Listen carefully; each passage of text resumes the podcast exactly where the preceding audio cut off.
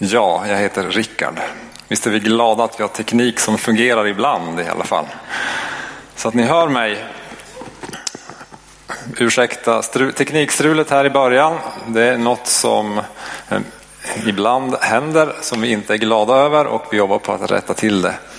Eh, men jag är glad att ni är här och jag tror att jag har något som är viktigt att prata om idag. Vi är inne i en serie som handlar om vägledande kultur, det är en av våra värderingar. Men det är också en serie där vi pratar lite om generationsväxling. Vi har många tonåringar, vi har många unga. Eh, Volt, tonåringarna kommer ha konsert nästa lördag och eh, kom på den, var med på den. Eh, satsa på deras missionsresa. Vi har många unga vuxna och så. Därför är det viktigt att vi pratar om det här med vägledning och förmaning som är dagens ord. Och det kändes lite spännande att predika om det för jag kommer inte på att jag har hört någon predikan om förmaning någon gång. Så jag ska ge mig på ett försök på det. När vi pratar om en vägledande kultur så har vi ett bibelord som ramar in det från första Korinthierbrevet 11 och 1. Följ mitt exempel liksom jag följer Kristi exempel. All vägledning är ju förstås en inbjudan att följa. Men all sorts vägledning behöver också innehålla förmaning. Jag kommer strax till det. Först kommer det ett litet reklaminslag här tror jag. Om du byter bild. Så, min nya bok. Drömmen om en Jesusrörelse. Jag fick dem den här veckan. Så jag säljer dem här efteråt i entrén. Och den här boken kom också till faktiskt på ett, ett ord av förmaning. Eh, det var en, en, jag var på en konferens i, i Budapest och en tysk som heter Dietrich som jag känner. Vi hade liksom ett samtal och så tittade han på mig och så sa han Du måste skriva en bok. Och jag bara, jaha, okej. Okay. Jag hade börjat lite sådär men, men, och samlat ihop det så jag har hållit på här i ett och ett halvt år och gjort den här färdig. Och det är eh, ja, men den dröm som har format mitt liv om att få se en Jesusrörelse i, i Sverige. Så köp den och läs den. När vi pratar om vägledande kultur och förmaning, vi kan ta nästa bild här. Eh, så, så har vi ett gäng värderingar här i församlingen. Och där vi pratar om att Jesus bestämmer, naturligt övernaturligt med Bibeln som grund tillsammans med värme och så en vägledande kultur. Och jag, ska, jag kommer in lite grann mer på det sen, hur det kan se ut. Men, men tanken är ju att vi tillsammans lever på ett sådant sätt så att vi vägleder varann och formas av varandra i den miljö som vi lever i tillsammans. Så det går ihop med de andra, med de andra värderingarna. När vi tänker på, på förmaning så kan vi ha lite olika bilder. Här är en bild om vi tar nästa. Nästa bild. Det är liksom något som känns lite obekvämt. Vi tänker på en tjatig moster eller eh, skolfröken och det är liksom lite grymt och lite pekfinger så här. Och, nu, och då är budskapet skärp dig eller glöm inte långkalsongerna eller eh, kör försiktigt eller lite så tänker vi. Och det kan vara jobbigt med förmaning men i grunden så är det något positivt.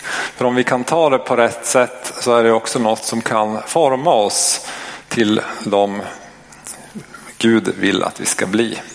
Jag ska tala idag här och om varför behöver vi förmana varandra i en kristen församling. Varför behöver jag förmaning? Vi ska prata lite grann om hur vi kan ge förmaningar och ta emot dem. Och sen så ska jag ge tre viktiga lärdomar som jag har lärt mig när andra har förmanat mig. Och allt det här finns i första Timoteusbrevet. Så det blir också ett litet mini-bibelstudium från första Timoteusbrevet. Ska vi be tillsammans? Jesus, vi ber att du idag ska tala genom ditt ord till oss. Tack för att du är ordet Jesus. Tack för att du har gett oss bibelordet och tack för att du vill använda det för att både uppbygga oss men också för att förmana oss. Jag ber att du ska förmana oss idag genom ditt ord. Jesu namn. Amen. Paulus skriver brev till Timoteus Och det här är ett brev på, på sex kapitel Eh, som mest innehåller förmaningar.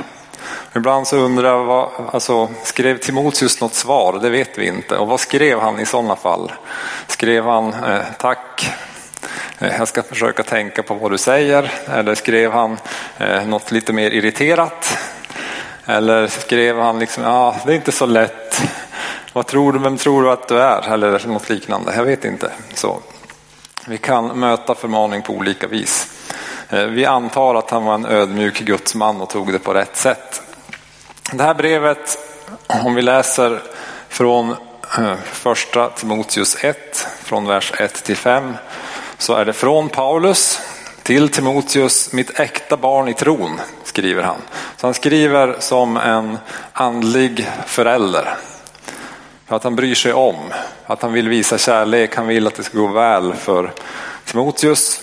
Och sen så skriver han, som jag uppmanade dig redan när jag var på väg mot Makedonien, vill jag att du stannar i Efesos och förmanar vissa där att inte förkunna falska läror eller ägna sig åt myter och ändlösa släktregister. Sånt leder till strider och tjänar inte Guds frälsningsplan genom tron. Målet med förmaningen är kärlek ur ett rent hjärta, ett gott samvete och en uppriktig tro. Paulus skriver alltså till Timoteus, äkta, hans äkta barn i tron.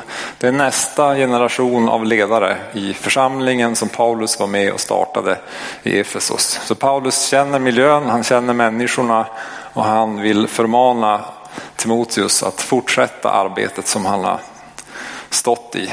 När man fostrar barn och unga som förälder eller Eh, i en församling så behöver det vara en, en miljö av kärlek, omgivet av kärlek, men det behöver också finnas utrymme för, för vägledning och korrigering på olika sätt.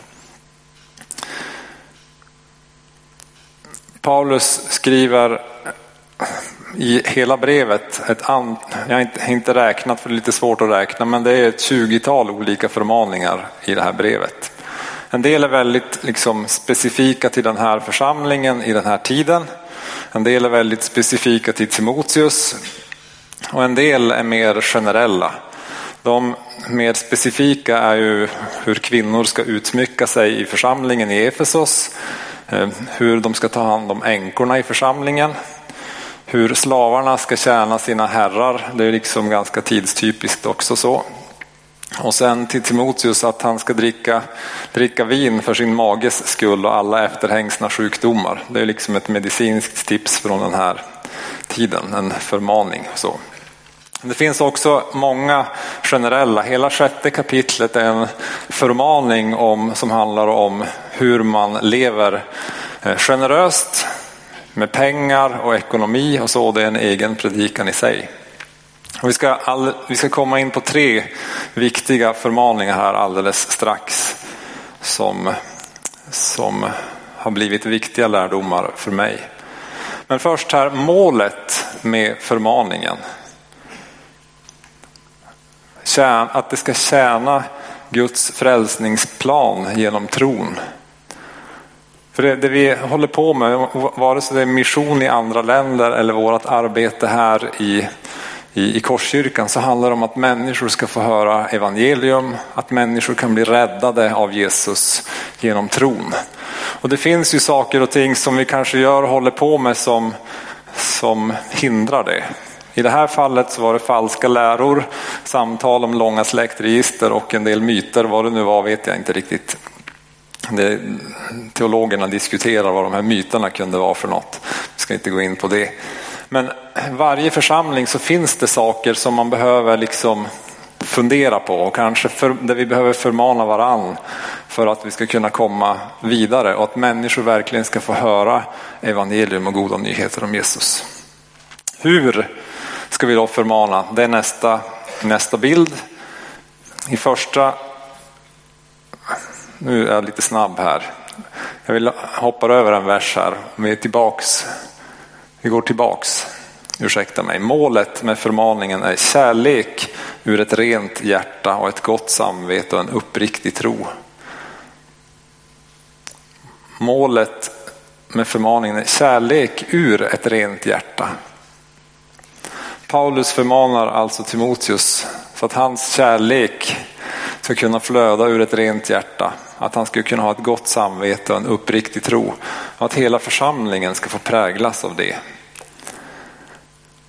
Det skulle vara fantastiskt att kunna säga att vi är en församling där vi alla, där kärleken flödar ur våra rena hjärtan. Där alla av oss har gott samvete och där vi alla har en uppriktig tro. Vi har ingen mätare som liksom kan ge utslag på det. Men det är ju här kampen står för oss personligen och som församling. Att kunna älska varann rent och uppriktigt med gott samvete och ha en uppriktig tro på Gud. Och det är det som är målet med Paulus förmaning och det är det som är målet med all kristen förmaning i en vägledande kultur. Nu kan vi hoppa till nästa bibelord i första Timoteus 5 och vers 1 till 2. Hur förmanar vi varann? Var inte hård mot en äldre man. När du förmanar honom, tala som till en far. Förmana yngre män som bröder, äldre kvinnor som mödrar och yngre kvinnor som systrar i all renhet. Vad är det Paulus säger här? Jo, det handlar ju om familj. Det är äkta, det är ärligt. Men, men det är också respekt när man talar till sina föräldrar. Framförallt i den här tiden, i den kulturen, så, så handlar det om mycket om att kunna förmana i respekt och kärlek. När man förmanar de som är yngre så handlar det om broderskap, systerskap, syskonskap. Alltså respekt. Att man talar utifrån samma nivå. Man talar inte uppifrån och ner till folk. Så. Utan man talar från, från, från sida till sida. Det är väldigt viktigt att komma ihåg det. Eh, jag tror att vi alla någon gång har blivit förmanade uppifrån sådär, kanske av föräldrar eller lärare eller eh, oförsiktiga personer i församlingen. Och det gör ju något med en. Man kan känna sig trampad på, man kan känna sig eh, nedvärderad.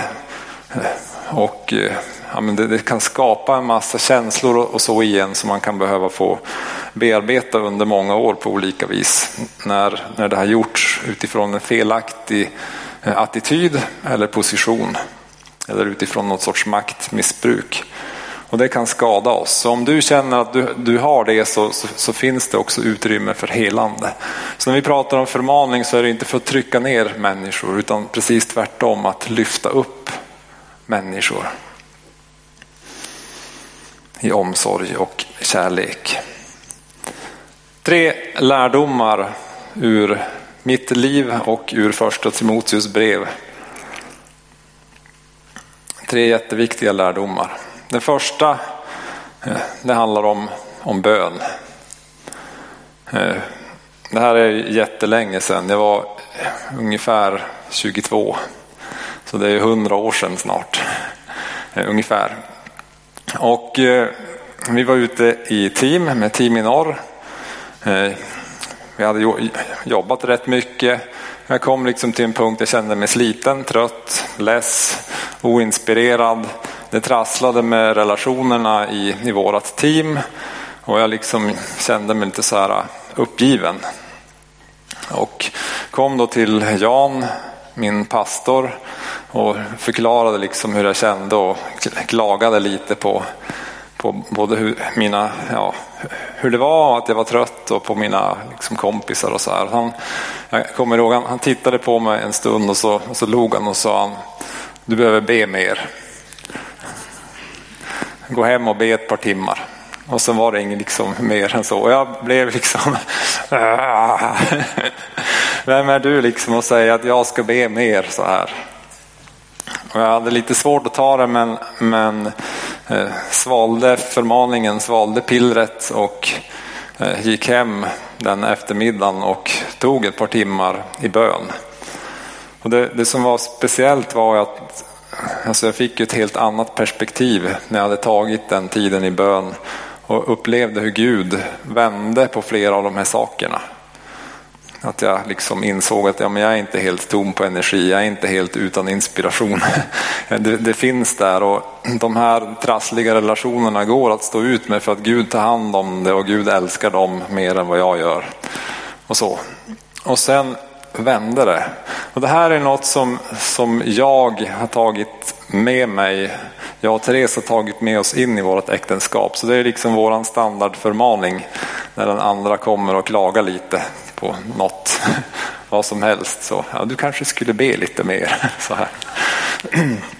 Gå och be en stund så blir det nog lite bättre. Och det, det faktum är ju att det, det är sant. För en, en liten stund med Jesus, det förändrar allt. Det har Lina Sandell skrivit i sin, sin psalm. Och Paulus skriver här i första Timoteus 2. Först av allt uppmanar jag till bön. Först av allt uppmanar jag till bön, åkallan, förbön och tacksägelse för alla människor, där ingår jag själv också, för kungar och alla i ledande ställning så att vi kan leva ett lugnt och stilla liv på alla sätt gudfruktigt och värdigt. Detta är gott och rätt inför Gud, vår frälsare som vill att alla människor ska bli frälsta och komma till insikt om sanningen. Först av allt uppmanar jag till bön. Det var en förmaning till mig i rätt tid som jag har tagit med mig och som jag har levt med. Jag har frågat Jan men han minns inte att han har sagt det. Men eh, jag minns. Det andra som jag lärt mig, en annan lärdom, en annan förmaning är det som finns här i första Timoteus 4. Från vers 7. Träna dig istället i Guds fruktan. Fysisk träning är nyttig på sitt sätt, men Guds fruktan är nyttig på allt sätt. För den har löfte om liv både för den här tiden och den kommande. Guds fruktan är nyttig på allt sätt.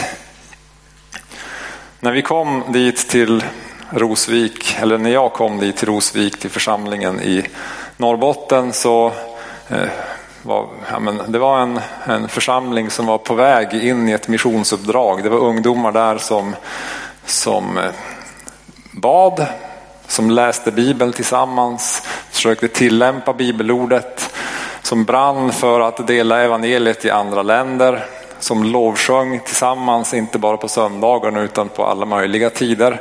Som träffades och bad tillsammans, som spontant åkte iväg in till Piteå för att eh, dela evangeliet med människor och be för sjuka på stan. det var en, en miljö som var helt eh, ovan för mig. Eh, min styrka var att jag hade ganska bra, jag var ganska duktig på volleyboll. Det var liksom för att äh, äh, anspela till det här bibelordet att kroppsövningar är nyttiga på sitt sätt men Guds fruktan är nyttigt på allt sätt. Men, men, men det blev något i den miljön som, som blev en, en förmaning, en väckarklocka, en vägledning för mig i den kulturen. Så, så var det något som, som snabbt började forma mitt liv. Att en hyfsad spänst och en bra serv är ju liksom inget som, som gör någon långsiktig skillnad i, i, i världen. Om man säger så. Men ett liv där Jesus är i centrum. Ett liv där Jesus är Herre. Ett liv där, där anden får tala och leda. Ett liv där vi gör det här tillsammans, ett liv där vi formar varandra, där vi ställer upp för varandra, där vi är generösa, där vi delar med oss av det vi har, där vi ber tillsammans, där vi bjuder in nya människor i gemenskapen. Det är ju ett liv i, i Guds fruktan. För att Jesus är viktig för oss, för att evangeliet har betytt någonting för, för mig. För att jag är räddad, jag har blivit berörd av Gud. Och jag vill leva det liv som jag har för honom tillsammans med andra. Och den miljön i sig blev ju en, både en vägledning och en förmaning för mig. Så när vi pratar om vägledande kultur här i församlingen så är det också en, en kultur där vi, där vi låter Jesus bestämma, där vi låter anden leda oss och där vi tillsammans försöker att frukta Gud, alltså att, att leva för Gud, med Gud och med varann. För att vi alla ska få uppfyllas av den här kärleken som får strömma ur ett rent hjärta som Paulus talar om. Min tredje lärdom jag kan läsa från första Timoteus 4 och vers 14. Försumma inte nådegåvan i dig, den som du fick genom profetord när de äldste la händerna på dig. Och andra Timoteus brev, vers 1 och 6. Därför påminner jag dig, låt Guds nådegåva flamma upp igen, den som finns i dig genom min handpåläggning. Gud har inte gett oss modlöshetens ande utan kraftens, kärlekens och självbehärskningens ande.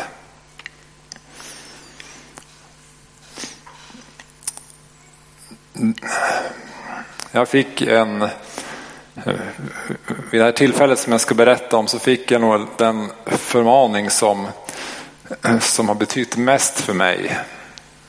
Och det, det, är svårt att prata om det utan att bli berörd men jag ska, jag ska försöka. Eh, vi hade åkt med teamet några gånger till Kolahalvön i Ryssland. Och så var det en kväll när vi, hade, vi skulle ha liksom ett ungdomsmöte i en baptistkyrka, ganska skruttigt gammalt dragigt hus. Eh, typ 20-25 ungdomar samlade och jag fick förtroendet att predika. Det var en av de första gångerna som jag skulle predika överhuvudtaget och absolut första gången jag skulle predika på engelska med tolk till ryska eh, i ett annat land och så. Jag var, jag var ju jättetaggad. Och så står jag där och så inser jag att det här suger fruktansvärt mycket. Det här är inte bra. Och jag kände liksom hur jag liksom tappade all frimodighet och all glädje och insåg att jag hade inte förberett mig väl och jag var inte bekväm i situationen och det här funkar inte. Och så var det liksom också inbyggt där att det skulle ge en, en inbjudan till de här ungdomarna till, till förbön. Men det, det kändes liksom så, så uselt så att jag hade ingenting för jag fick liksom ingenting. Så jag bara blev färdig väldigt snabbt och så gick jag och satte mig. Och eh, det var ju, eh, alltså det var ju liksom en sumpad kväll på många sätt. Så. I alla fall för mig. Som väl var så var ju då eh, Luan och Bill Wallis, ett äldre amerikanskt par var med. Och hon hon är, var liksom min andliga mor. Hon tog hand om mig och oss andra och försökte vägleda oss. Hon hade nog, om det finns en förmaningens gåva så, så hade hon den. Hon var väldigt uppmuntrande men ibland så kunde hon förmana. Hon insåg att det här var en sån tillfälle där det fanns ingenting att uppmuntra. så, att, så det var liksom bara förmaning som gällde. Så att efter, hon klev förstås in liksom och räddade upp situationen och inbjöd liksom ungdomar till förbön och bad för dem och de fick möta Jesus och sådär. Och sen liksom tog hon sig an mig på kvällen och förklarade att det inte var bra, det visste jag redan. Men, men så sa hon några saker till mig. Och hon, hon sa till, till mig, du har fått en gåva att predika. Och liksom utifrån själva sammanhanget så måste hon ha sett något av Gud i det, för det var, jag hade inte visat upp det på något vis. Och när du, när du predikar så, så behöver du veta att smörjelsen, Guds ande är över dig och över ordet. Och det handlar inte om dig. Och eh, hon liksom talade in i mitt liv på det sättet. Och sen sa hon, om du inte får någonting, liksom, om du inte är ledd av anden så kan du alltid bjuda människor till Jesus. Och så liksom fick jag sån här förmaning och tydliga enkla instruktioner som jag har hållit mig till sedan dess. Och utan den förmaningen så skulle jag absolut inte ha stått här idag, det är jag helt säker på. Och det, det är ju, eh, ligger i det här som, som Paulus skriver till Timoteus. Försumma inte nådegåvan som finns i ditt liv. Försumma inte Guds ande som finns över dig. För det handlar inte om, om dig. Det handlar inte om mig utan det handlar om att, att vi får vara redskap i Guds tjänst. För att hans frälsningsplan ska få gå i uppfyllelse. För att Gud ska kunna verka genom oss, genom det vi säger, genom våra ord för att människor ska kunna bli berörda av, av honom. Så det var en, en eh, viktig lärdom för mig. Att det handlar inte om mig utan det handlar ju om, om Guds, Guds ande. Självklart så behöver jag förbereda mig, självklart behöver jag läsa in mig på bibelordet. Självklart så finns det eh, saker man, man behöver lära sig orden på engelska så att man kan säga det man tänker. Man, man behöver förstå kulturen man talar i och sådana saker. Men, men i, i, i tjänandet så handlar det om anden och, och Guds gåva i mig och inte om mig i första hand. Det var det som var den, den viktiga lärdomen. Försumma inte nådegåvan. Utan det är något som Gud har gett till Timoteus. Teologerna diskuterar vad det är men Timoteus vet antagligen precis vad det är Paulus talar om. Försumma inte den gåvan som du har fått av Gud. Inte det du själv har lärt dig, inte det du själv har kommit på, inte det du själv liksom har hittat på utan det Gud har gett dig. Låt anden blåsa liv i det. Det var mina förmaningens ord idag. Hur, varför ska vi förmana? Jo, för att kärleken ska kunna komma ur ett rent hjärta. Att vi ska kunna ha ett gott samvete, en uppriktig tro och att vi ska få tjäna Guds frälsningsplan genom tron. Hur? Kärlek, respekt, omsorg. Och så är det de här tre lärdomarna och det finns väldigt mycket som vi kan förmana kring. Men det jag tror Gud faktiskt vill säga till, till oss idag genom det här är att ja, men, du kanske är någon sådär som, som har kört fast. Som när jag fick ordet om att jag behövde be mer. Kanske liksom har kört fast i att du känner dig misslyckad, less, oinspirerad, trött. Vad är det för mening? Känner att ryggsäcken är för tung. Det var någon av våra förebedjare som, som kom med den bilden att någon är här med en väldigt tung ryggsäck. Det känns meningslöst att fortsätta. Det kanske är så att förmaningens ord från Bibeln här är först av allt uppmuntra till bön. Och det, idag är ett bra tillfälle att börja och vi har förebedjare här och man kan ju se förebedjarna som så här startkablar. Man, när man har slut batteriet i bibeln, så, i, i bibeln, i bilen, så behöver man eh, någon annan bil med startkablar så att man får ström. Och förbönen är lite så här startkablar. När vi inte alltid orkar komma igång själv så kan någon annan be, be för oss och med oss in i våran situation så att vi kan komma igång. Så det är väl förmaningen, be mer. Men ta, ta hjälp av andra när du känner att du har kört fast. Det kanske också är någon som, som känner att ja, men det, jag, jag har sumpat det. Liksom jag har försökt tjäna Gud men eh, och jag har liksom haft de här gåvorna men, men det blir liksom ingenting. Det kan ju handla om predikan men det kan handla om många andra saker också. När du har upplevt det kallad av Gud och försökt tjäna och sen känns det som att du har sumpat det. Men låt Gud blåsa liv i den gåvan. Låt anden flöda. Använd det du har. Och framförallt Kom till Jesus.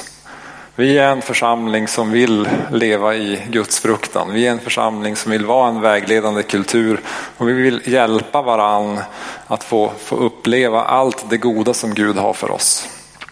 Och i församlingen, i gudstjänsten så kan vi få eh, styrka och hjälpa varann med de här sakerna.